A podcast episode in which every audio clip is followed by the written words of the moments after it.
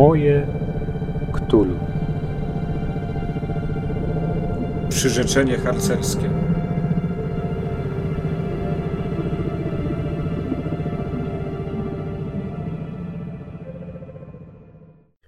Cześć, jestem Kacper i witam Was w podcaście Moje Ktulu.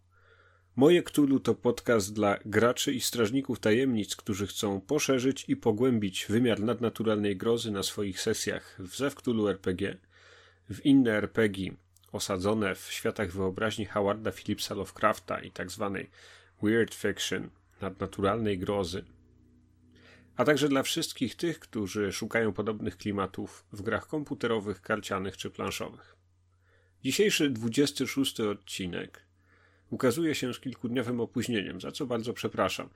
Ostatnie upały utrudniły mi niestety pracę i musiałem poczekać aż nieco zelżeją, żeby móc przygotować dla Was ten kolejny odcinek. Mam nadzieję jednak, że uznacie, że warto było tych kilka dni poczekać. W dzisiejszym odcinku mam sporo ciekawych nowych treści, dużą porcję interesujących newsów, mały fragment muzyczny, a także ciekawe zapowiedzi kolejnych odcinków, na które to podkreślam i tego jestem pewien, zdecydowanie warto czekać. W te wakacje mam dla Was całkiem fajne pomysły, całkiem fajne konkursy, całkiem fajne tematy i o tym wszystkim opowiem już za chwilę. Przede wszystkim chciałbym e, zaznaczyć, że dzisiejszy odcinek Przyrzeczenie Harcerskie jest nagrywany ze szczególnym podziękowaniem i pozdrowieniem dla Tomka Malarza z Chorzowa, który był zwycięzcą konkursu gwiazdkowego na moim podcaście. Zaproponował tam e, w swoim zwycięskim zgłoszeniu zrobienie odcinka na temat Stanicy Kamińskiego, czyli ośrodka szkolenia instruktorów e, ZHP, który powstał w latach 30. w Beskidzie Śląskim. I e, tam e, do tej pory jego budynki istnieją, chociaż po wojnie pełniły inną rolę. Było tam sanatorium.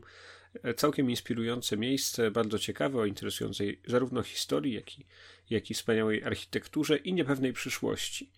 Postanowiłem więc e, wreszcie uczynić zadość obietnicy nagrania odcinka na ten temat i właśnie ten odcinek 26 w części Ktulu w Polsce będzie opowiadał o stanicy Kamińskiego, miejscu bardzo ważnym dla rozwoju polskiego harcerstwa, zarówno w okresie międzywojennym, jak dzisiaj, ze względu na to, jak ważny był rozwój właśnie polskiego scoutingu w tamtym okresie dla jego tożsamości i historii późniejszej.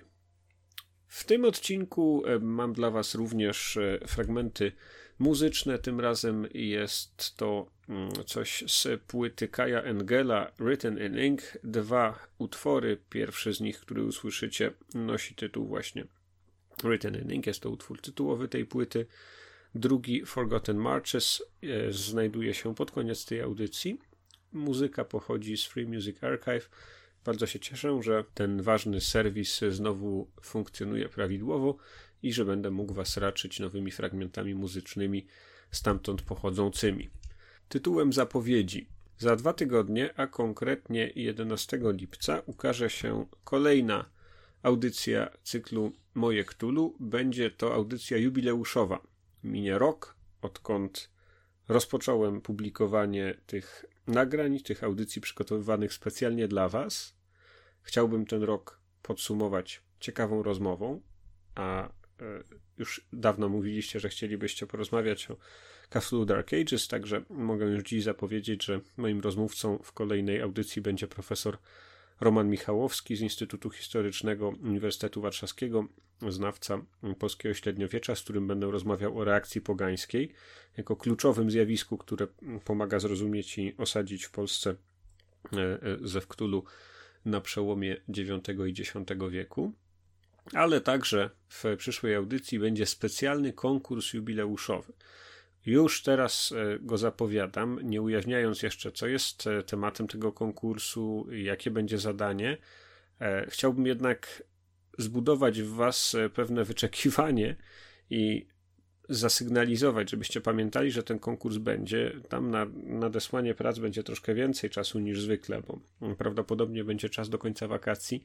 Ale chciałem Wam powiedzieć, że mam fantastyczną pulę nagród, które przekazało mi szereg różnych e, podmiotów, szereg różnych wydawnictw. Będą wspaniałe kości z workshopu, będą startery do masek od Black Monków i e, inne fajne rzeczy.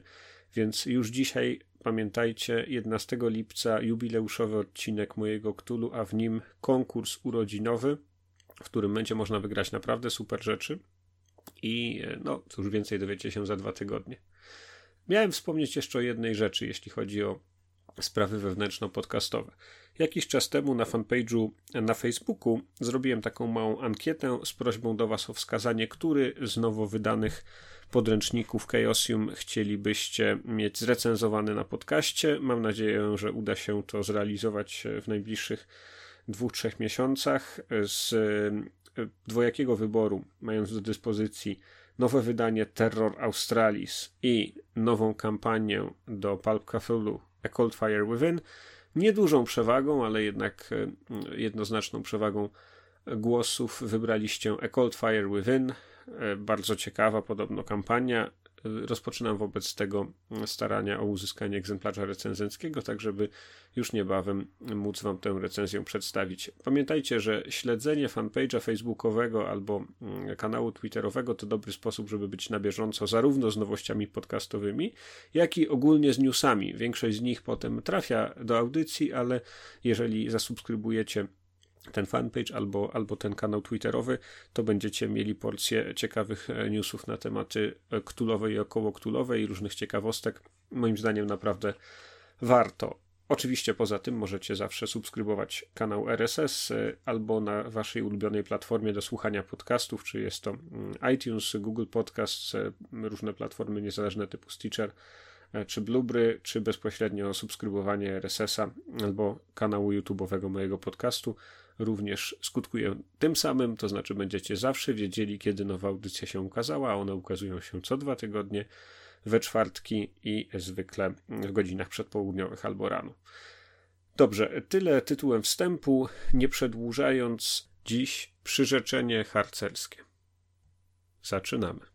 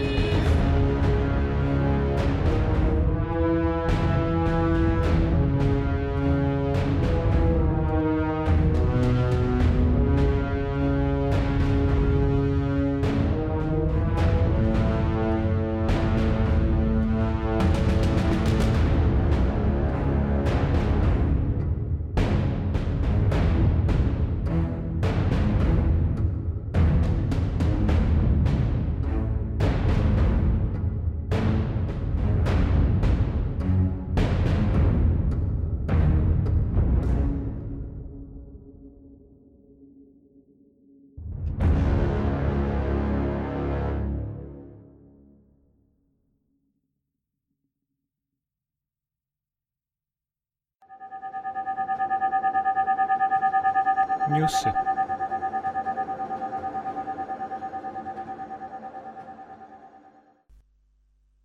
Trochę się tych newsów uzbierało na przestrzeni ostatniego miesiąca, odkąd nagrywałem poprzednie. Mam w sumie aż tak dużo punktów, że chwilę to potrwa, żeby przez wszystkie przejść. Na pewno najważniejszym wydarzeniem ostatnich tygodni było udostępnienie przez wydawnictwo Black Monk pierwszej transzy z obiecanych materiałów związanych z wydaniem Księgi Strażnika. Black Monk rozesłał do wspierających e, PDF-y zasobnika strażnika, zawierające przede wszystkim dwa znakomite scenariusze, w tym jeden z moich ulubionych, najulubieńszych scenariuszy, Blackwater Creek. Te PDF-y zasobnika strażnika zostały udostępnione już w postaci w pełni złożonej, gotowej, ale jednak z prośbą o szukanie tam różnego rodzaju usterek, chochlików czy, czy błędów, które należy sprostować przed skierowaniem tych plików do druku. E, można się z nimi zapoznawać. One są, jeśli chodzi o poziom edytorski, nawet przewyższający oryginały amerykańskie, więc jest to kawał dobrej roboty, ale oczywiście zawsze w takim pierwszym materiale usterek znajdzie się pewnie niemało i one, mamy nadzieję, zostaną poprawione. Mówię o tym, że mamy nadzieję, że zostaną poprawione w druku. Kwestia tego druku i ukazania się wszystkich tomów zapowiedzianych w tej transzy Księgi Strażnika, która jest już, można powiedzieć, nieco opóźniona, dlatego że ta audycja ukazuje się 1 lipca, a więc e, w dniu, w którym zgodnie z zapowiedziami ze zbiórki na Wspieram to powinna już być w pełni zrealizowana cała ta pierwsza transza wydawnicza mm, e, ze Wktulu siódmej edycji po polsku, a do tej pory drukiem nie mamy jeszcze żadnej pozycji, a jako PDF, a tylko te zasobniki strażnika i pewne drobne rzeczy, na przykład e, karty postaci. E, w mijających tygodniach miała miejsce konferencja prasowa, czy live po prostu transmisja na żywo twórców e, polskiego wydania, reprezentujących zarówno zespół redakcyjny, jak i wydawnictwo. Był to bardzo ciekawy live, e, dobrze było tego posłuchać, dlatego że odnosili się oni szczegółowo do mm, szeregu problemów, szeregu wyzwań i również prezentowali rzetelnie stan prac nad całym tym projektem.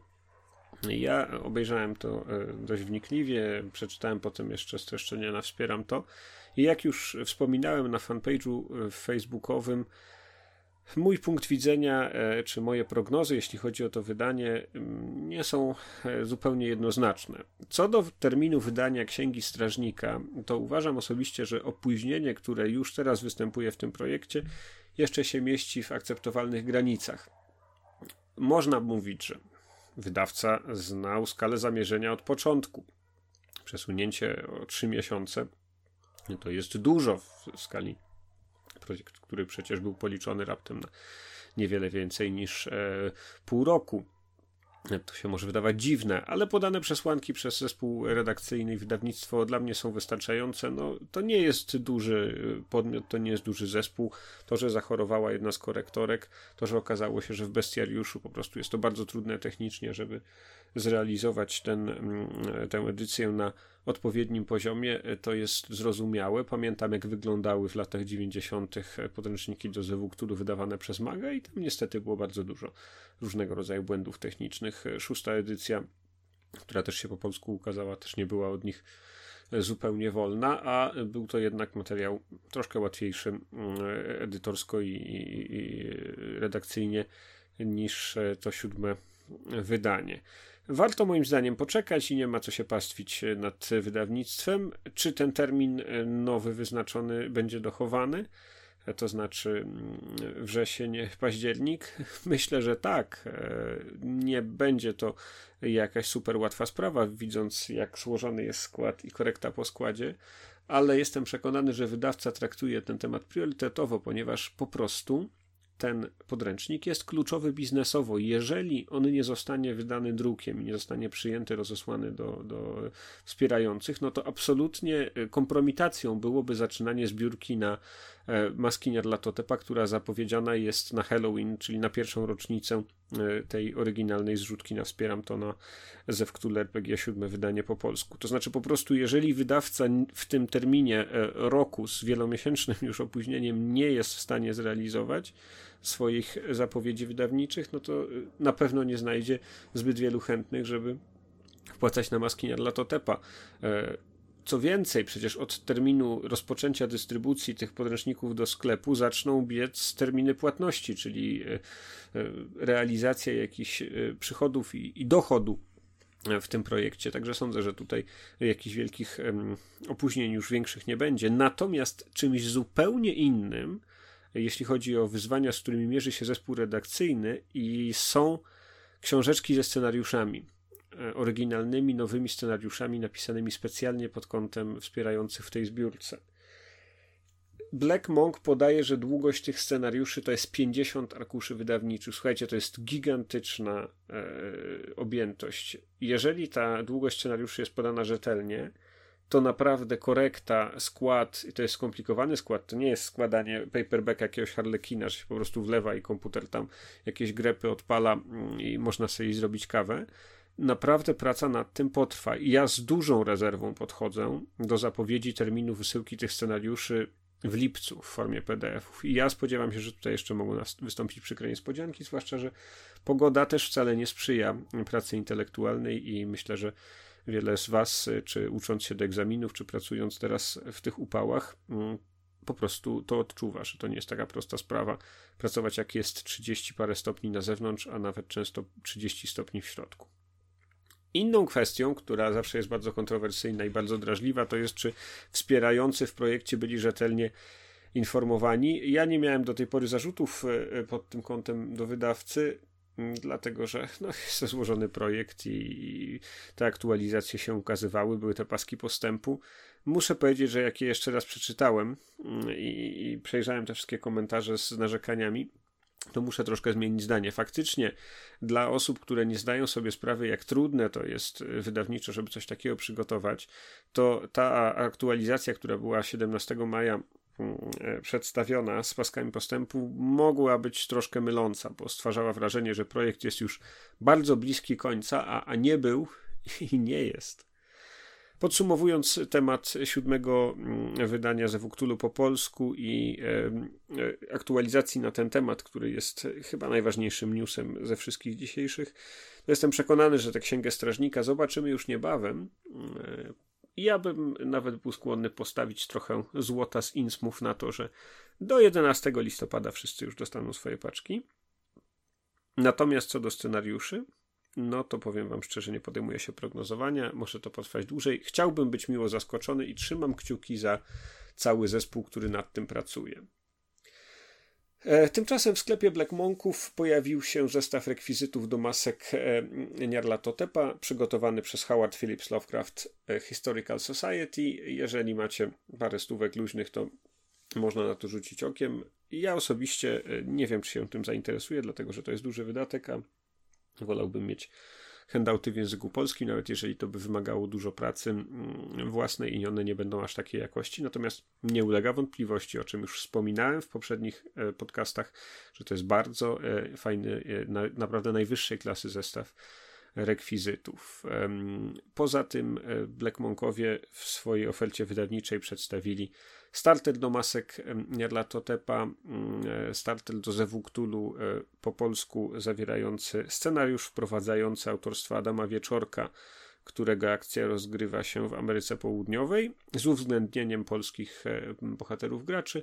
Niebawem go zrecenzuję i przedstawię Wam moje uwagi. Jest to mm, bardzo ciekawe, dlatego że nie tylko jest to nowe wcielenie startera, które zacznie sobie teraz krążyć, lecz także jest e, tam e, zbiór pregenerowanych bohaterów i postaram się ocenić w jednej z najbliższych audycji, na ile rzeczywiście te postaci się nadają do tego, żeby nimi grać.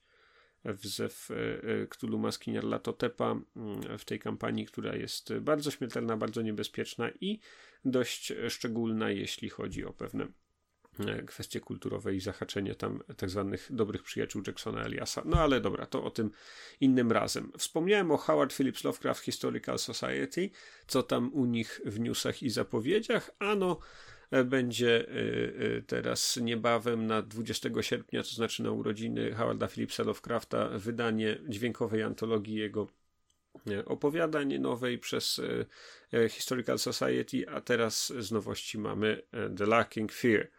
E, to opowiadanie nagrane, zrealizowane jako słuchowisko przez Howard Phillips Lovecraft Historical Society, gotowe do pobrania i zakupu w postaci nośnika fizycznego z ich sklepu. Co dalej, jeśli chodzi o newsy? Ukazała się kilka dni temu ukraińskiego studio gra komputerowa The Sinking City, Mm, będzie recenzja tej gry, dlatego że wydawca udostępnił mi już egzemplarz recenzencki. Mm, myślę, że w najbliższym czasie będę miał szansę znaleźć czas na to, żeby trochę w to pograć. Gra jest dostępna na PC i na konsolę. E, jak tylko się z tą pozycją zapoznam, na razie recenzje są dość mieszane, ale y, słychać wiele entuzjastycznych mm, opinii ze środowiska graczy. E, jak będę miał własne zdanie, to będę spieszył z tym, aby się E, z wami nim podzielić. E, z nowości planszówkowych tymczasem Galakta zapowiedziała dodatek do posiadłości szaleństwa pod tytułem Ścieżka węża. Mm, jeśli pamiętacie dwunastą audycję mojego podcastu, to znaczy przedświąteczną, to e, być może wspomnicie, że gra planszowa Posiadłość Szaleństwa jest szczególnie bliska mojemu sercu, uważam ją za świetną, bardzo mi się podoba, więc dodatek zawierający trzy nowe scenariusze, w których badacze tajemnic stają do walki z przerażającymi wężoludźmi w dżungli Ameryki Południowej, myślę, że może wielu z Was zainteresować. W dodatku oczywiście nowe planszetki, nowe figurki, nowe przedmioty, nowe scenariusze, a więc również rozszerzenie w aplikacji. Jeśli chodzi o osnowę fabularną, to tak jak powiedziałem, związana jest ona z ruinami, które można eksplorować w e, dżungli amazońskiej. Kryją one oczywiście wiele niebezpieczeństw od bezlitosnego upału. No to to jest tak jak u nas, nie trzeba nigdzie jechać. I szybko kurczących się zapasów e, po przeklęte posągi wypełnione pułapkami świątynie. Każdy, kto odważy się stawić czoła tym zagrożeniom, z pewnością szybko zapragnie powrócić do względnego bezpieczeństwa miasta, ale też tajemnice, które skrywają te ruiny i świątynie, mogą się okazać na tyle niebezpieczne i śmiertelne, czy niszczące poczytalność, że ten bezpieczny powrót będzie niemożliwy. Także Galakta tutaj nam proponuje właśnie taki dodatek, warto go wyglądać. Co tymczasem, jeśli chodzi o mm, scenę larpowo-eventową? Ja nie wspominam o konwentach, od tego macie informatory konwentowe. Y, konwenty się dosyć dobrze promują, są popularne. Nie śledzę tego na tyle skrupulatnie, żeby wam e, o wszystkim powiedzieć, ale w zasadzie nie ma w Polsce większego konwentu, na którym by nie był obecny Black Monk i na którym by nie było namiotu grozy i możliwości rozegrania sesji starterowych, zapoznania się z tą fantastyczną e, ekipą Blackmonkową, która wam prowadzi na eventach. Jeżeli ich tam nie ma, jeżeli to jest jakiś mniejszy konwent, to bardzo prawdopodobne, że będą inni strażnicy tajemnic, którzy prowadzą. Chciałbym jednak dzisiaj poinformować was o dwóch nadchodzących wydarzeniach. Jedno z nich e, to w toku Stark Expo to znaczy takiego festiwalu e, gier w Polanicy Zdroju, w Teatrze Zdrojowym, który będzie się odbywał na przełomie sierpnia i września, 29 sierpnia do 1 września. Będzie cały blok sesji ze Wuktulu siódmej edycji prowadzonych w tamtejszych podziemiach i w tym samym terminie w Krakowie w Relay Cafe, myślę, że już jest to marka dobrze znana, knajpa, która jest miejscem bardzo mocno e, nastawionym na światek e, gier planszowych i RPGowych. Zresztą sama nazwa Relay Cafe mówi tutaj o konkretnych inspiracjach Lovecraftowskich. E, otóż tam był niedawno mm, LARP, który Wam już zwiastowałem, a tutaj na 1 września zapowiedziany jest kolejny LARP mm, pod tytułem Urodziny. Jeśli chodzi o wydarzenia, to dostępne są już w przedsprzedaży bilety na Carcosa Con 2020. Ten wspaniały konwent na Zamku Czocha ma się odbyć między 27 a 29 marca przyszłego roku. Już możecie się zainteresować. Co tymczasem, jeśli chodzi o nowości wydawnicze poza Polską? Chaosium pokazało nam fizyczne wydanie Berlin the Wicked City, e, podręcznika suplementu o Berlinie Republiki Weimarskiej, Berlinie lat 20. i wczesnych lat 30., który recenzowałem nie tak dawno temu. Teraz e, już widać, że wychodzą one od drukarza, będzie można sobie zamówić swój egzemplarz tego bardzo dobrego podręcznika, albo w wydaniu mm, kolorowym, albo w wydaniu skórkowanym. E, Chaosium również e, zakończyło na YouTubie publikację cyklu mm, nagrań z sesji Death on Rails. Ukazało ich, ich w sumie 19, była to zdaje się bardzo dobra zabawa w środowisku australijskiego mm, Chaosium i e, zachęcam do pokazywania tym, którzy lubią mm, oglądać sobie po angielsku Actual Play. Jest tutaj właśnie taki oficjalny cykl sesji. Z Niwy Chaosium mamy oczywiście tradycyjnie do omówienia nowości w programie The Miskatonic Repository, czyli programie fanowskim wydawniczym. Powiem Wam tym razem e, od mojej ostatniej audycji jest 20 nowości w tym programie. Jest tak niesamowity wysyp i przyrost tych e, e, nowych publikacji, że po prostu przez wzgląd na Waszą poczytalność nie jestem w stanie zreferować ich wszystkich Chciałbym tylko powiedzieć, że spośród tych 20 nowości ostatniego miesiąca są aż trzy po polsku, które ukazują się w serii Zgrozy. Urodzeni Władcy, e, e, a Kafulu się dzieje i zbiór mm, w promocyjnej cenie wszystkich e, zgróz, który również można sobie kupić, jeśli jeszcze się do tej pory nie skusiliście na zgrozy. Poza tym jest tutaj całkiem sporo e, różnego rodzaju suplementów. E, większość tym razem po angielsku, jeden to jest jakiś koreański, i wśród nich jest między innymi bardzo stara przygoda Marka Morrisona, napisana gdzieś tam w latach 80., 85 chyba roku i nigdy nie, nie wydana. Także e, e, tutaj w Miskatonic Repository ten znany autor znalazł również miejsce na to, żeby jako fan, żeby właśnie poza głównym nurtem e, coś wydać, swój stary scenariusz i w ten sposób zainspirować innych do tego, żeby w The Miskatonic Repository wydawać. Zapoznajcie się z tymi nowościami, oczywiście pełna ich lista razem z linkami jest w notatkach do tej audycji, którą zamieszczam na stronie mojektulu.pl. Co słychać na YouTubie? No tutaj e, jest troszkę e, spowolnienie, wyciszenie, czy to jest okres sesji przed egzaminami, czy, czy, czy właśnie samych egzaminów, czy, czy przygotowań do sesji.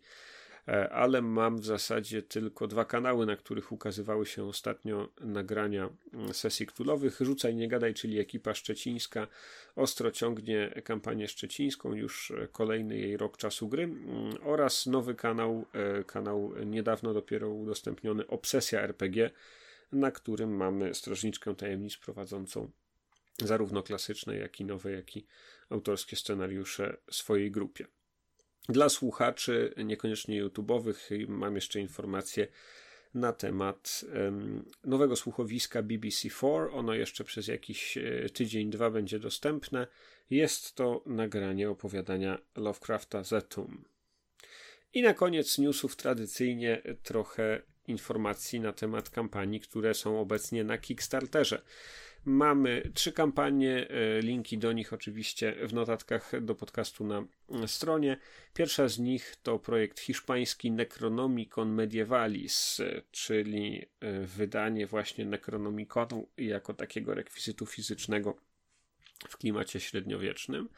E, czyli jest to, można powiedzieć, Necronomicon mm, nie do końca kanoniczny, bo E, najważniejszym e, wydań, najważniejsze wydania Necronomiconu, no to oczywiście jest, są to średniowieczne, ale najważniejsze to jest oryginalny Abdullah al-Hazreda, który jest e, mm, z, z, z wczesnego średniowiecza, z VII czy, czy VIII wieku mm, naszej ery, a angielskie tłumaczenie Johna Dee jest często tym, do którego się odwołują różne scenariusze. Tutaj mamy propozycję właśnie hiszpańskiego studia takiej specjalnej księgi, która tym Necronomiconem może dla was na waszych sesjach być. Mamy grę kościaną, Elder Die, ale ona coś wygląda na to, że nie zbierze potrzebnych środków, żeby y, się ukazać. Nie cieszy się wielkim powodzeniem. Y, wygląda to trochę takie odrobinkę niedorobione, ale ocencie sami. No i mamy jeszcze mm, specjalny kolejny projekt figurkowy. Właściwie dwa projekty figurkowe, mm, ponieważ osobno należy wspomnieć o H.P. Lovecraft Cthulhu Mythos Cthulhu Idol, czyli figurkach Cthulhu inspirowanych opisem z opowiadania Zew Cthulhu, które są e, dostępne w trzech kolorach: złotym, mm, kolorze e, żelaza i kolorze brązu. One są nawet całkiem sensowne, po 35 euro, także nie są to jakieś gigantyczne pieniądze i każde jest e, ze specjalną skrzyneczką drewnianą, także to nawet wygląda całkiem nieźle. Na koniec wspomnę Wam jeszcze o mm, figurkach, które powstają nie na licencji żadnej, one są takie, można powiedzieć, e, no name, czy, czy, czy generyczne do wykorzystania, czy w planszówkach, czy w kalczankach ktulowych, czy mm, właśnie w RPGach. Seria sześciu figurek przedstawiających typowych badaczy tajemnic i jednego potwora, które dostępne są w zbiórce HP Lovecraft Echoes, miniatures compatible with board games, card games, RPGs inspired by HP Lovecraft. No i to są po prostu wykonane e, w plastiku takie mm, e, figurki do e, typowej siatki, przedstawiające dwóch panów i trzy panie właśnie takich możliwych badaczy tajemnic. Mamy tutaj śledczego, mamy tutaj badaczkę, mamy kobietę medium, mamy anarchistę i mamy, jeżeli się zbierze odpowiednia mm, liczba pieniędzy, to będziemy mieli również Szogota. Zbiórka wystartowała niedawno, ale dosyć wolno zbiera sobie tutaj e, wspierających. Zebrano jakieś w ogóle śmieszne 200 dolarów na razie. Także nie jestem wcale taki pewien, czy, czy, czy to się rzeczywiście uda. No, a szczerze mówiąc, czy ja wiem, czy to jest takie niezbędnie potrzebne akurat te, te figurki. E, można sobie korzystać z płaszczaków. Ja, ja bardzo to osobiście lubię. No dobrze, e, jeśli chodzi o newsy, to tyle na dziś i tak jest tego całkiem sporo. Mam nadzieję, że za dwa tygodnie będę miał dla Was znowu porcję świeżego mięsa, jeśli chodzi o nowości wydawnicze, zapowiedzi i zbiórki Kickstarterowe.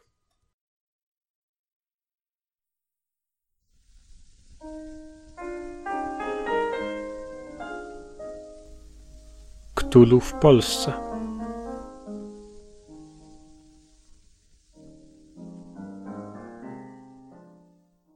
Stanica Kamińskiego, o której chciałbym Wam dzisiaj opowiedzieć, to miejsce, o którym przed tym gwiazdkowym konkursem mojego Ktulu, w którym została zgłoszona jako ciekawe miejsce w Polsce zasługujące na uwzględnienie w podcaście e, przez Tomasza Malarza, przez e, Tomka Harcerza z Chorzowa, miłośnika ze Ktulu. To jest miejsce, o którym kompletnie niczego nie wiedziałem, nie miałem najmniejszej świadomości jego istnienia, chociaż na pewno gdzieś tam przemknąłem oczami E, czytając, przemknąłem wzrokiem, czytając e, Kamienie na szaniec po tym fragmencie, w którym zrelacjonowane są ostatnie wakacje przedwojenne bohaterów tej książki, spędzone właśnie w szkole instruktorskiej w Górkach Wielkich. Cóż to jest za miejsce i jakie tutaj są ciekawe tropy warte prześledzenia? Czytałem z dużym zainteresowaniem informacje zgromadzone na stronie stanicakamińskiego.pl i na innych portalach e, oraz w innych miejscach, gdzie historia tego miejsca jest zrelacjonowana. Mobilizacja swoista e, związana z, z upamiętnianiem tego ośrodka związana jest z tym, że obecnie on jest po prostu opuszczony. Znajduje się w zasobie gruntowym gminy Brenna, bo mówimy tutaj o rejonie właśnie Beskidu Śląskiego.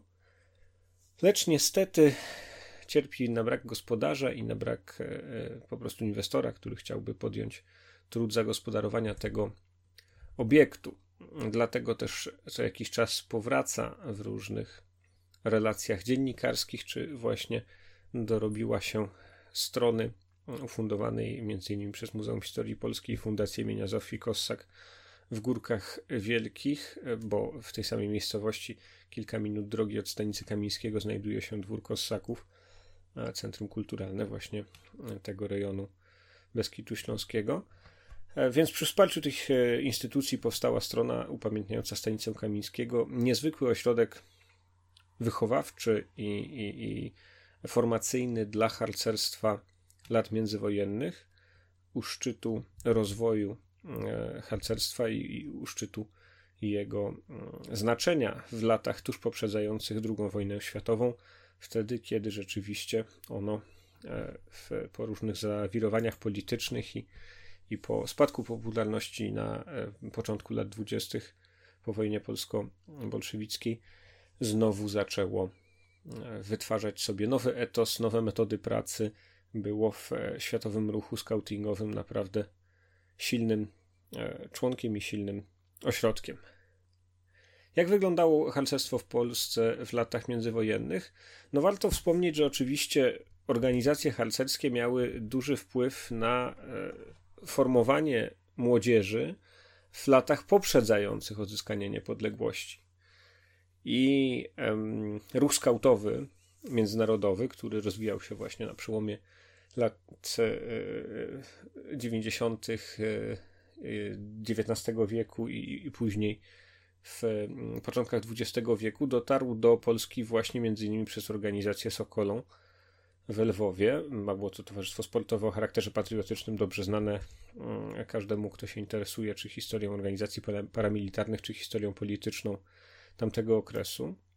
I harcerstwo właśnie w, w owym okresie było taką szkołą patriotyzmu i szkołą mm, obywatelskości, szkołą tych umiejętności, zarówno związanych z, mm, ze światem właśnie e, organizacji hierarchicznej, kształtującej pewne, pewne wartości, kształtujące, kształtującej również umiejętności związane ze zwiadem, z przetrwaniem e, w dziczy, takie, które miały zarówno, można powiedzieć, anglosaski wymiar awanturniczo-przygodowy, jak i po prostu pewną praktyczną użyteczność dla przyszłych żołnierzy i przyszłych obywateli, którzy musieli zaangażować się w życie e, zbiorowe i w pracę na rzecz dobra wspólnego.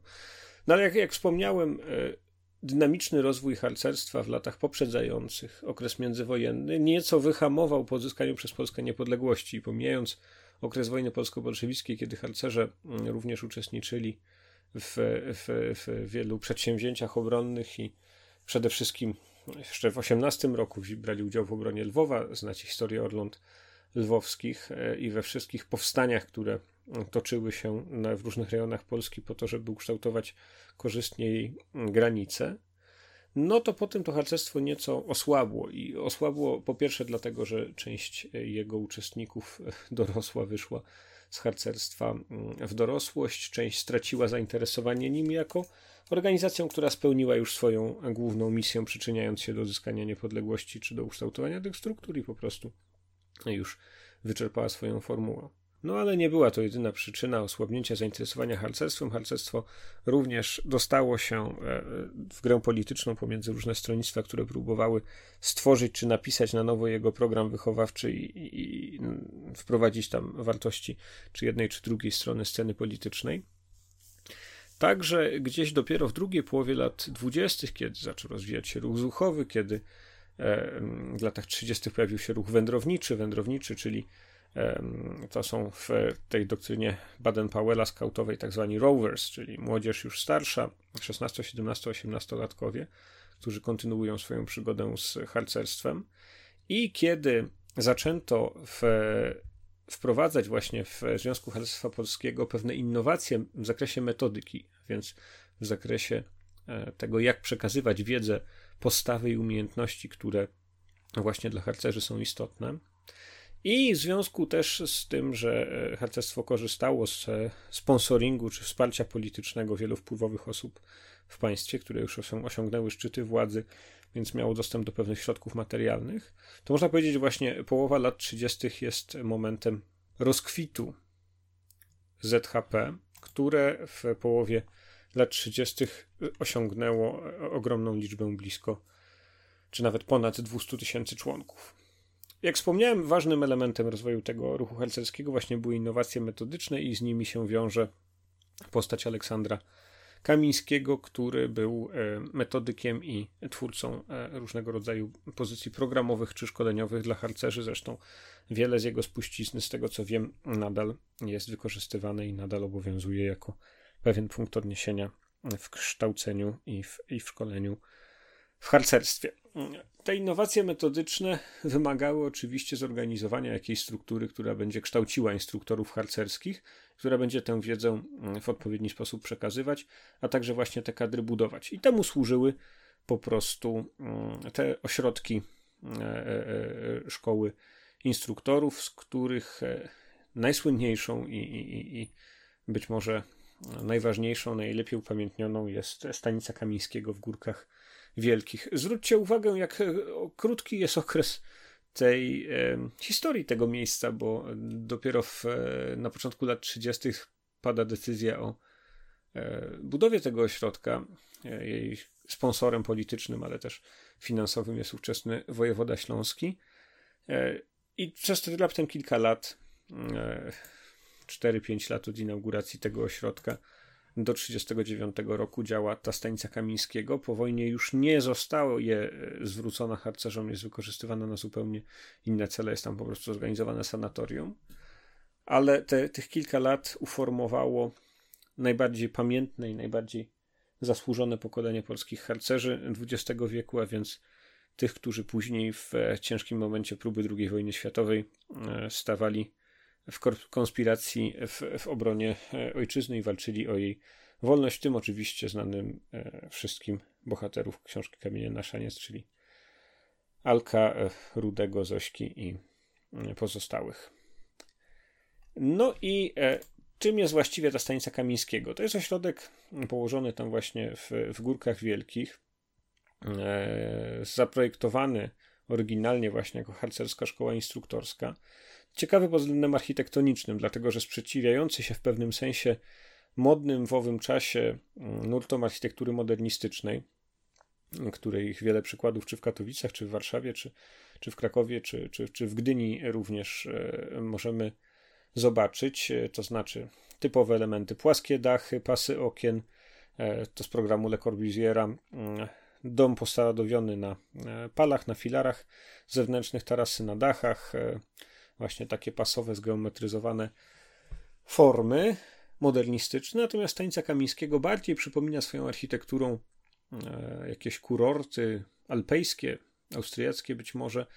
W swoim programie architektonicznym zawiera również elementy ludowe e, i dzięki całej kompozycji tego układu składającego się z trzech budynków, a więc gmachu kursów, gmachu ogólnego oraz gmachu e, Zuchów i, i do tego kompleksu domków e, Uniwersytetu Ludowego. Te budynki oddano do użytku dopiero w 1937 roku, czyli długo nie posłużyły, ale były zaprojektowane e, w sposób maksymalnie funkcjonalny, a zarazem swojski, tak żeby podkreślać przywiązanie do ziemi i kultury narodowej charakterystyczne dla ruchu harcerskiego, ale być po prostu funkcjonalnym miejscem, w którym można prowadzić te szkolenia. Piękne detale architektoniczne, takie jak e, płaskorzeźby, elementy wyposażenia, kominki, mam tutaj na myśli tarasy, e, pomieszczenia o, o szerszych przeszkleniach i różnego rodzaju inne niebanalne mm, elementy architektoniczne sprawiają, że jest to mm, dzieło bardzo oryginalne jego twórców. E, twórcą, projektantem tego zespołu jego budynków był Bogdan Laszczka.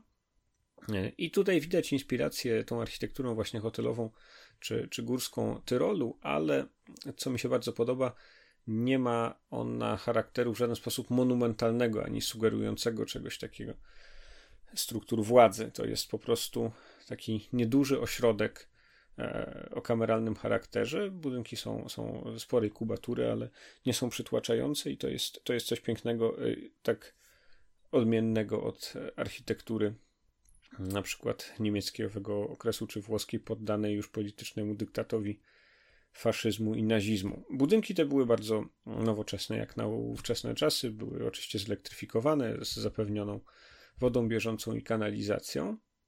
E, zawierały wszelkiego rodzaju pomieszczenia, takie jak biblioteka, czytelnia, pokoje i, i, i sale szkoleniowe dla harcerzy.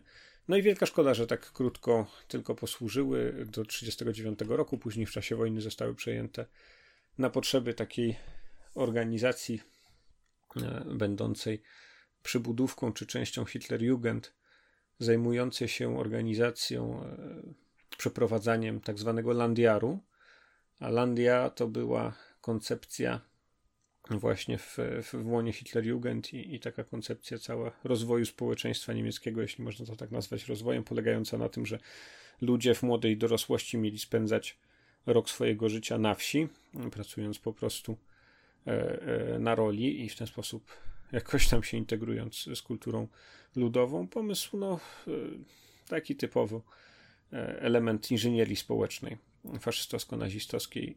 Sam kontrast z programem ideowym harcerskim, który wyraża się w prawie i, i przyrzeczeniu harcerskim, kontrast właśnie takich prymitywnych środków przesiedlania ludzi na wieś na rok, żeby, żeby się związali z ziemią, wydaje się właśnie naiwny i dosyć, dosyć prostacki w swoim założeniu, no ale nie, nie chodzi tutaj o to, żeby się pastwić nad Landiarem i, i programem wychowawczym Niemiec nazistowskich, tylko żeby upamiętniać stanicę Kamińskiego, jej twórców i wszystkich tych, którzy się tutaj szkolili. Zachęcam Was do odwiedzenia strony poświęconej temu zabytkowi Stanica Kamińskiego. Jeżeli będziecie w Beskidzie Śląskim, to warto tam też pojechać, zobaczyć jak to wszystko wygląda. No i mamy nadzieję, że któregoś dnia niebawem znajdzie się inwestor, który zgodzi się zakupić ten teren wraz z pięknym e, parkiem dookoła i zrobić tam czy hotel, czy jakiś inny ośrodek, e, który zabezpieczy dziedzictwo materialne, które tam pozostało przed dalszym niszczeniem i częściowo też rozkradaniem, niestety, ponieważ niektóre elementy, niektóre elementy e, zdobień tego ośrodka zostały już niestety rozszabrowane. Tyle jeśli chodzi o opis Stanicy Kamińskiego. Na stronie mojego podcastu, a także na stronie stanicy kamińskiego.pl znajdziecie mnóstwo pięknych zdjęć pokazujących właśnie ośrodek harcerski w Górkach Wielkich w różnych epokach jego eksploatacji. Bardzo, bardzo piękne zdjęcia z różnych pół roku, pokazujące jak ten, jak ten cały zespół tutaj tętnił życiem, a potem zamarł i dzisiaj czeka na ponowne odkrycie, czeka na swoje na swoje kolejne lata świetności, oby one nadeszły. Zastanówmy się tymczasem, w jaki sposób można to miejsce wykorzystać na waszych sesjach w Zewie Cthulhu. Moja propozycja, e, zainspirowana właśnie poznaniem historii tego miejsca, to jest to, żeby spróbować być może stworzyć coś, ale tutaj też inspiracją są książki o panu samochodziku z epoki zupełnie innej, bo z PRL-u, Zbigniewa Nienackiego i jego późniejszych naśladowców, żeby spróbować zobaczyć, czy nie można byłoby wprowadzić drużyny harcerskiej właśnie jako pomysłu na drużynę badaczy tajemnic. To się wiąże z kilkoma istotnymi rozstrzygnięciami i założeniami, które trzeba przyjąć. Przede wszystkim samo tworzenie postaci już jest, już przebiega inaczej. W systemie Basic Roleplaying, który jest mechaniką Zewu Cthulhu, widzimy w oficjalnie rozpisanych przygodach, że istnieje znaczna różnica pomiędzy statystykami, tymi statystykami głównymi e, e, dzieci czy młodzieży i osób dorosłych. I trudno się dziwić, dlatego że wiele umiejętności, wiele kompetencji w ogóle, które posiadają badacze tajemnic, to są kompetencje typowe wieku dojrzałego, a więc umiejętności zawodowe, poziom wykształcenia i, e, i dorosły poziom różnych cech, takich jak zręczność, siła, które po prostu w nastolenstwie nie są jeszcze tak rozwinięte wrodzona inteligencja, czy, czy urok, czy, czy, czy spryt tych młodych ludzi pozwala im to częściowo nadrabiać, ale e, tak jak mówię, e, opowiada o bezsilności dorosłych. E, nie jest ta gra tak samo e, dojmująca, kiedy bezsilni są ci, którzy no, po prostu nie są jeszcze w pełni, w pełni dojrzali albo, albo w pełni jeszcze nie mm, osiągnęli szczytu swoich możliwości, czyli o ludziach młodych. Harcerstwo to jest e, tak klasycznie e, zwykle gdzieś pomiędzy 9, 10 a, a 16 rokiem życia. E, inaczej w przypadku właśnie tych wędrowników późniejszych a, a oraz, oraz zuchów czy skrzatów wcześniejszych lat życia. Ale ja bym tutaj rekomendował, żeby przyjąć taką zasadę, żeby żaden e, współczynnik z grupy tych współczynników głównych nie przekraczał poziomu 55 punktów. Jest to bardzo niewiele, ale, ale dobrze to oddaje, jak sądzę, właśnie ten poziom niedojrzałości czy niegotowości życiowej takich właśnie młodych harcerzy, natomiast możecie tutaj całkiem e, ładnie zaszaleć, jeśli chodzi o tworzenie postaci, o wszelkiego rodzaju umiejętności właśnie związane ze zwiadem, związane z przetrwaniem w dziczy, związane z, z umiejętnościami artystycznymi, z umiejętnościami społecznymi również, które przecież harcerstwo rozwija. Czy wobec tego mm, jest jakiś przepis na konkretną przygodę, przepis na scenariusz przygody do Zewuktulu dla grupy harcerskiej? Myślę, że mm, to, co e, warto byłoby jeszcze wykorzystać, to są właśnie relacje pomiędzy młodzieżą a dorosłymi. I widzę tutaj dwojaki pomysł. Albo z jednej strony przypadkowe odkrycie w toku na przykład jakiegoś obozu wędrownego czy wędrówki takiej drużyny harcerskiej lat 20. czy 30. polskiej, przypadkowe odkrycie jakiegoś miejsca, czy to będzie kamienny krąg, czy to będzie jakaś jaskinia, w której um, obudziło się coś złego, coś nieziemskiego, nadnaturalnego. I tutaj należy od samego początku już nadawać taki szybki ton, te szybkie tempo wydarzeniom, wprowadzać brutalne, drastyczne, być może e, sceny ekspozycyjne, ktoś zaginął, ktoś jest ciężko ranny, potrzebna jest pomoc, ale tej pomocy nie ma. E, tak, żeby wykazać już na samym początku bezradność i potrzebę radzenia sobie e, tych, tych młodych bohaterów. To jest jeden pomysł. Znalezienie się e, właśnie w takiej sytuacji typu survival horror i jeszcze uwypuklenie tego przez niegotowość czy niedojrzałość tych młodych ludzi, co, co pomoże w, w stworzeniu właśnie tej survival horrorowej atmosfery. A z drugiej strony, no receptę właśnie w stylu pana samochodzika, chociaż tak jak mówię, to są zupełnie inne czasy, już, już trochę inna kultura, a więc dla istniejącej drużyny badaczy tajemnic, waszej drużyny być może, którą gracie albo którą e, prowadzisz strażniku, strażniczko swoim, swoim znajomym. Dodanie im jako takich NPC-ów, jako takich e, BN-ów, sojuszników właśnie drużyny harcerskiej. Kilkorga, kilku czy kilkorga, no harcerstwo w sporej większości jest, e, nie jest koedukacyjne. Teraz ZHP jest koedukacyjne, ale, ale w owych czasach wcale tak nie było. A więc dodanie kil, kilku e, dziewczyn albo kilku chłopaków, którzy mają im pomagać, dlatego że akurat rzuciła, rzucił ich los, rzuciła ich przygoda w to miejsce, w którym nasi bohaterowie, gracze coś e, przedsiębiorą i, i konfrontują się z jakąś, z jakąś grozą, przedwieczną grozą, grozą kosmiczną. Dlaczego to jest dobry pomysł moim zdaniem? Po pierwsze dlatego, że e, ci BN w postaci drużyny harcerskiej mogą być oczami, uszami czy, czy długimi rękami właśnie drużyny, zapewniającymi e, jakieś czujki, jakiś zwiat, jakieś rozpoznanie, być może e, e, zabezpieczającymi w pewien sposób drużynę. Ale z drugiej strony jest dodatkowy element właśnie kosztu czy, czy ryzyka związanego z tym, żeby przyjmować tego rodzaju pomoc, czy, czy, czy, czy brać pod opiekę sobie. No, wydawałoby się, oni nie potrzebują opieki, ci halcerze są samodzielni, zawsze pogodni, bardzo praktyczni, dobrze wyszkoleni, ale w konfrontacji z tym nadnaturalnym złem, w konfrontacji z tą grozą kosmiczną, ktulową, okazuje się, że oni są również bezradni i badacze tajemnic nie wyłącznie muszą myśleć o tym, jak zrównoważyć realizację swojego zadania i próbę przetrwania, ale również i przede wszystkim na pierwszym miejscu zapewnić przetrwanie i bezpieczeństwo tej grupie młodych ludzi, którzy nie są w żaden sposób winni temu, że znaleźli się w niewłaściwym miejscu, w niewłaściwym czasie i groza wypaczająca umysłu zagraża również im, lub wręcz e, bezpośrednie niebezpieczeństwo ze strony istot panteonu mitów, różnego rodzaju potworów, z którymi muszą się zmagać gracze. Takie dwa pomysły na wykorzystanie drużyny harcerskiej, czy jako drużyny bohaterów graczy, czy jako drużyny e, e, BN-ów, stanowiącej dodatkowe wsparcie e, bohaterów graczy badaczów, badaczy tajemnic.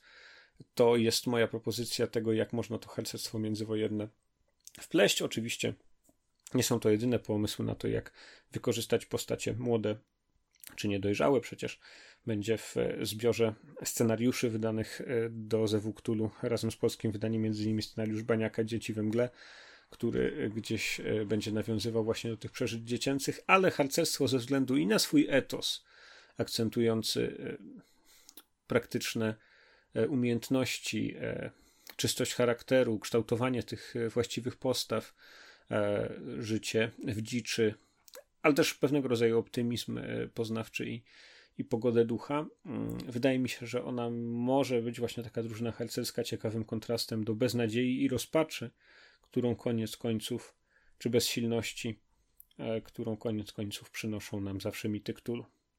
Zachęcam Was do tego, żebyście e, spróbowali, a jeżeli poczujecie, że to jest ciekawy trop, to dlaczego by nie wykorzystać stanicy Kamińskiego, ośrodka szkoleniowego, ośrodka instruktorskiego Związku Harcerstwa Polskiego w, e, e, jako lokacji czy jako jakiegoś elementu Waszej przygody w Zewie w latach 20. i 30.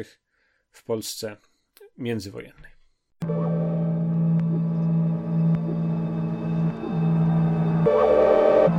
Recenzja.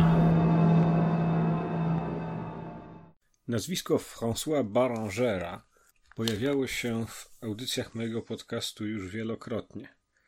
Wspominałem wam o jego projekcie wydania artbooka z opowiadaniem Zew Cthulhu, ilustrowanym bogatymi, kolorowymi, zajmującymi całe połacie stron autorskimi ilustracjami. Wspominałem Wam również o jego kolejnym projekcie w Górach Szaleństwa, nad którym teraz pracuję.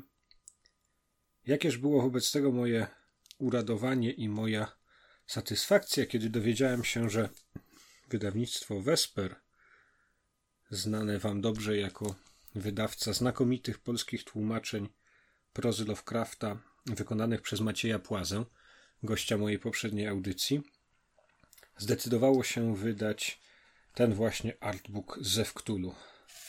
Tekst Howarda Phillipsa Lovecrafta w przekładzie Macieja Płazy i ilustracje François Barangera, francuskiego rysownika.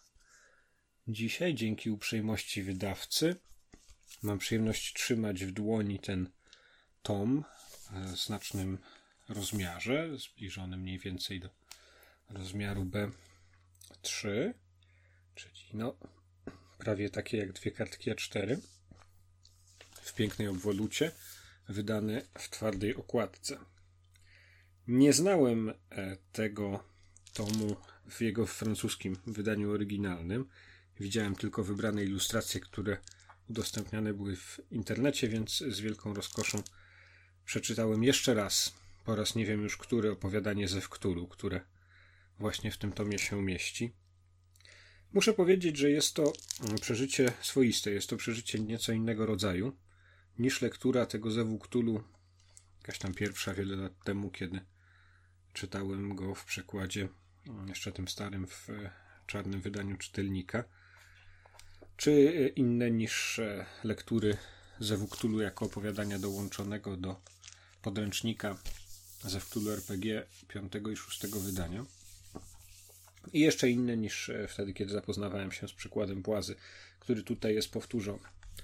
Książka wydana jest w ten sposób, że na każdej e, rozkładówce mamy w zasadzie, kartkuję ją, kiedy e, mówię do Was te słowa, kiedy nagrywam tę audycję, że na każdej rozkładówce, która jest pełnokolorową również ilustracją, mamy kilka łamów tekstu, jeden, dwa, trzy, czasami o różnej e, wielkości fontu z wyróżnionymi pojedynczymi zdaniami. Na przykład e, otwieram teraz na stronie poświęconej figurce wielkiego Ktulu, tej klasycznej, znanej postaci, temu kontrefektowi koszmarnego bóstwa. I e, mamy tutaj w zasadzie całą prawą stronę tej rozkładówki zajmuje ilustracja tej figurki. Resztę dwóch stron sztafaż w postaci mm, jakiegoś papierka, jakiejś skrzynki, jakiejś postaci w, w krawacie z tyłu.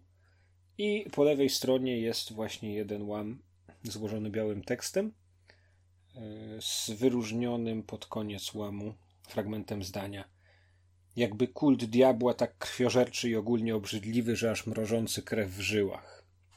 A wyżej o figurce przedstawiała monstrum w ogólnym pokroju jakby człekokształtne, lecz opuchłe do rozpuchu, z łbem jak kałamarnica i twarzą ginącą w rojowisku macek. Cielsko wydawało się gumowate i pokryte łuskami. Przednie i tylne łapy zwieńczone były potężnymi szponami, a z grzbietu wyrastały długie, wąskie skrzydła. I co jest swoistego właśnie w obcowaniu z tym artbookiem wydanym przez wydawnictwo Vesper, to to, że on nie tylko zawiera dobry przekład Lovecrafta oddziaływający odpowiednio na wyobraźnię, pozbawiony jakichś potknięć czy, czy niezręczności, lecz także on spełnia funkcję poetycką, taką prawdziwie literacką tego tekstu, chociaż wiele osób powiedziałoby, że jest to e, osiągnięte przy pomocy dosyć naiwnych środków, dlatego że po prostu sugestywne ilustracje, właśnie jakaś manipulacja wielkością fontu na, stronie, ale jak się czyta właśnie ten wyróżniony tekst, to się go czyta troszkę inaczej niż po prostu tekst bieżący, na, e, w, złożony w, w książce, w takim tradycyjnym wydaniu. Dlatego, że, że te poszczególne słowa, a Płaza nie stroni przecież od słów rzadkich, egzotycznych, składa to e, ten swój cały przekład e, przy pomocy słownictwa dość wyszukanego i bardzo bogatego, wiernie oddając bogactwo leksyki Lovecraftowskiej. Te słowa w pewnym sensie wychodzą z, ze stron, to znaczy zwracają na siebie szczególną uwagę i je się czyta e, i nie tylko się przyswaja tę treść, która w nich jest zawarta w toku danego fragmentu opowiadania, uwzględniając zdania poprzedzające i, i zdania kolejne, ale się tym e, słowom przygląda i, i e, odbiera się jeszcze w pewien dodatkowy sposób. To znaczy, przez to wyróżnienie tekst przestaje być przezroczysty. Te słowa przestają wyłącznie relacjonować nam jakąś opowieść, która się toczy w tym opowiadaniu, a jak wiemy, Zew Cthulhu jest właśnie napisany w takiej konwencji relacji, e, opowiadania o, o, o mrocznych przygodach i o uświadamianiu sobie pewnych, pewnych straszliwych faktów i, i podejrzeń przez narratora tej, tego opowiadania. Więc tok tej narracji zostaje przerwany i pewne wybrane fragmenty, wyróżnione tym e, pismem większego, większego kroju, zaczynają być interesujące same w sobie. I człowiek się im przygląda uważniej. Łatwe do osiągnięcia, prawda? Takim prostym środkiem, ale jednak działa. I to mi się najbardziej podoba w tym artbooku wydawnictwa Vesper. I w pewnym sensie, chociaż słowo samo artbook budzi jakiś mój dystans, czy jakąś moją podejrzliwość, jako być może coś zbędnego i w ogóle artbook jako forma to nie jest coś, ja nie jestem kolekcjonerem tego typu wydań. Zwykle obcowanie z tekstem po prostu poprawnie podanym w czytniku albo na papierze jest dla mnie wystarczająca, to tutaj się zgadzam, że jest, mamy do czynienia z jakiegoś rodzaju sztuką. I nie chodzi wyłącznie o ilustrację, ale o to, że właśnie takie wydanie w pełni wydobywa i uwypukla funkcję poetycką tekstu literackiego, zwracając nam uwagę na to, że to nie jest po prostu jakiś tekstik użytkowy, który sobie czytamy w, w autobusie, czy który sobie przyswajamy gdzieś tam na ekranie telefonu lub, lub komputera, tylko ze względu na nieporęczny format, ze względu na konieczność przyglądania się właśnie dla pełnego odbioru tym rozległym, nie, dających się, nie dającym się objąć jednym rzutem oka ilustracją, wprowadza pewną atmosferę święta i pewną atmosferę wyjątkowości, która przecież właśnie dla literatury jest wyjątkowa, bo jest, jest, jest, jest jej ważną cechą, bo to nie jest po prostu jakikolwiek tekst, ale jest to tekst literacki, który ma zwrócić na siebie samego uwagę i przykuć nas sobą samym, a nie wyłącznie tą historią, którą przy pomocy tego tekstu autor opowiada. Polecam Wam serdecznie ten artbook jako bardzo dobry prezent dla każdego, kto lubi obcować z literaturą Lovecraftowską. Mm, to wydanie w twardej oprawie kosztuje niecałe 60 zł. Jest dostępne do nabycia ze strony wydawnictwa Vesper. Jedyne zastrzeżenie, które mam do tego wydania, dotyczy tych stron, na których pojawia się więcej niż jeden rodzaj wy, wyróżnienia tekstu. To znaczy, niby to jest e, po prostu e, tekst złożony e, krojem o nieco większym nieco większego, nieco większym mm, rozmiarze punktowym. Ale jeśli na tej stronie mamy już i kursywy, i kapitaliki, i mm, właśnie taki tekst, to to się robi mm, chwilami trochę mniej estetyczne, natomiast to jest już naprawdę czepianie się, dlatego że absolutna większość tych stron jest po prostu szalenie elegancka w formie, w jakiej została podana, czytelna i zajmująca. Dlatego bez mm, chwili wahania wystawiam Zewowi Cthulhu w tym wydaniu ocenę bardzo dobrą.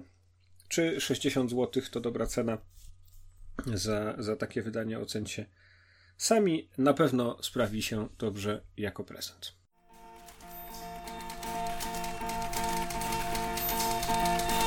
Biblioteka.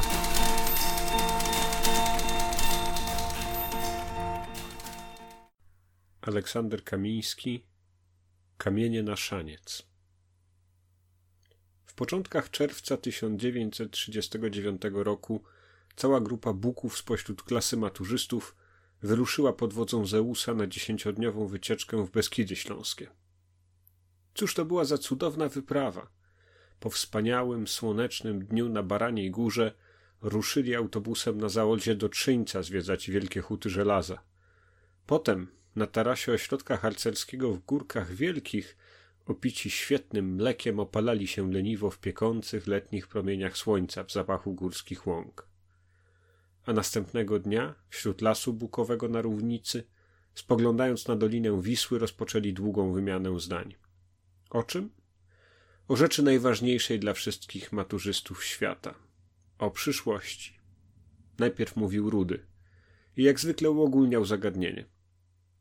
Nie ma co gadać, powiodło się nam. Mieliśmy dobrą szkołę, potrafiliśmy stworzyć dobry zespół koleżeński, staliśmy się grupą przyjaciół. Noblesse oblige. Nie wolno spatałaszyć szans, które dostaliśmy do rąk. Na wyspach Salomona, zaczął któryś z klubu pięciu. Stul pysk, Salomonie, przerwał mu ze śmiechem ktoś z paczki rudego. Tak, tak, wtrącił się leżący na plecach Zeus. Robota się prosi do rączek w tym pięknym kraju. Wisła, Wisła, modra rzeka, nieuregulowana. Miliony maćków z wesołej piosenki klepie biedę, że aż piszczy, nie ma zapałki, nie ma na sól, nie ma na buty.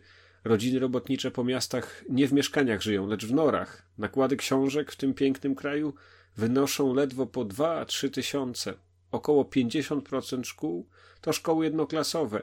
Diabelnie dużo zrobiło się w ciągu tych dwudziestu lat niepodległości. Od choćby porównać rozbudowę miast Gdynię, centralny okręg przemysłowy, powstanie nowej warstwy społecznej wykwalifikowanych robotników, rozbudowę ubezpieczeń społecznych, ogromny spadek śmiertelności, ale na Boga miłego, ileż tu jeszcze trzeba pierwszorzędnych inżynierów, pierwszorzędnych wychowawców, pierwszorzędnych rolników, pierwszorzędnych rzemieślników. Drugorzędni też nie zaszkodzą, przerwał Zośka, bo coś mi się zdaje, że orłów w Polsce było zawsze sporo, mrówek znacznie mniej. Gawenda zmieniła kierunek. Alek, którego obok pogoni za niecodziennością cechowała silna żądza analizy własnej osobowości, zaczął inny temat. O tym, że najistotniejszą sprawą jest wyrobienie sobie charakteru. Rudy podsunął się bliżej do Alka, słuchał go z wytężoną uwagą. Sprawa charakteru, sprawa pracy nad sobą, sprawa uzupełnienia własnej osobowości tym wszystkim, czego tej osobowości brakuje – wszystko to tak samo poruszało umysł Rudego, jak i umysł Alka. Była to dziedzina przeżyć, która łączyła obu chłopców jednolitym odczuwaniem i jednolitymi pragnieniami. Nie tylko zresztą tych dwóch pochłaniał problem doskonalenia się i pracy nad sobą. Pochłaniał on wszystkich członków zespołu Buków.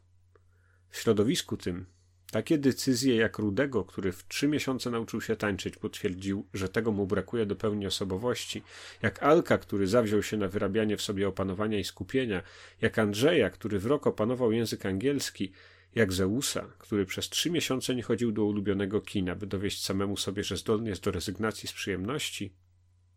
W innym gronie sprawa doskonalenia się nie miała tyle zrozumienia, co wśród Buków. Ale słuchajcie – Cóż to z tą wojną będzie? Zacznie się czy nie zacznie? Gotowa nam pokiełbasić wszystkie plany.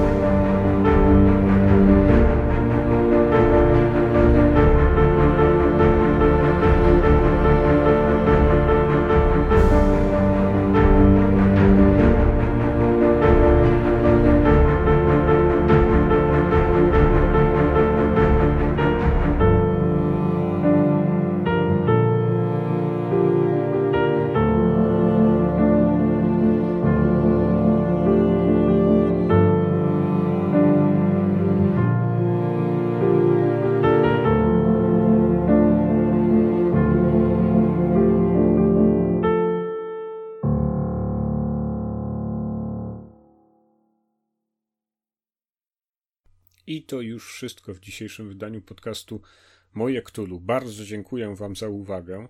Jeśli Wam się podobało, to pamiętajcie, że możecie subskrybować ten podcast czy przez RSS-a, czy w większości aplikacji platform podcastowych, czy też na iTunesach lub w Google Podcast. Zachęcam do tego serdecznie. Możecie też subskrybować kanał na YouTubie, żeby nie przegapić żadnej kolejnej audycji. Zachęcam do słuchania i zachęcam szczególnie do słuchania za dwa tygodnie, w czwartek 11 lipca, kiedy będę miał dla Was specjalnie przygotowany konkurs urodzinowy, konkurs jubileuszowy z okazji pierwszych urodzin podcastu. Warto słuchać, warto się tym konkursem zainteresować, bo nagrody, jak sądzę, będą e, dla Was dość atrakcyjne. Dziękuję jeszcze raz, pozdrawiam serdecznie z ostępów Izabelińskiej Puszczy i żegnam się z Wami. Do usłyszenia.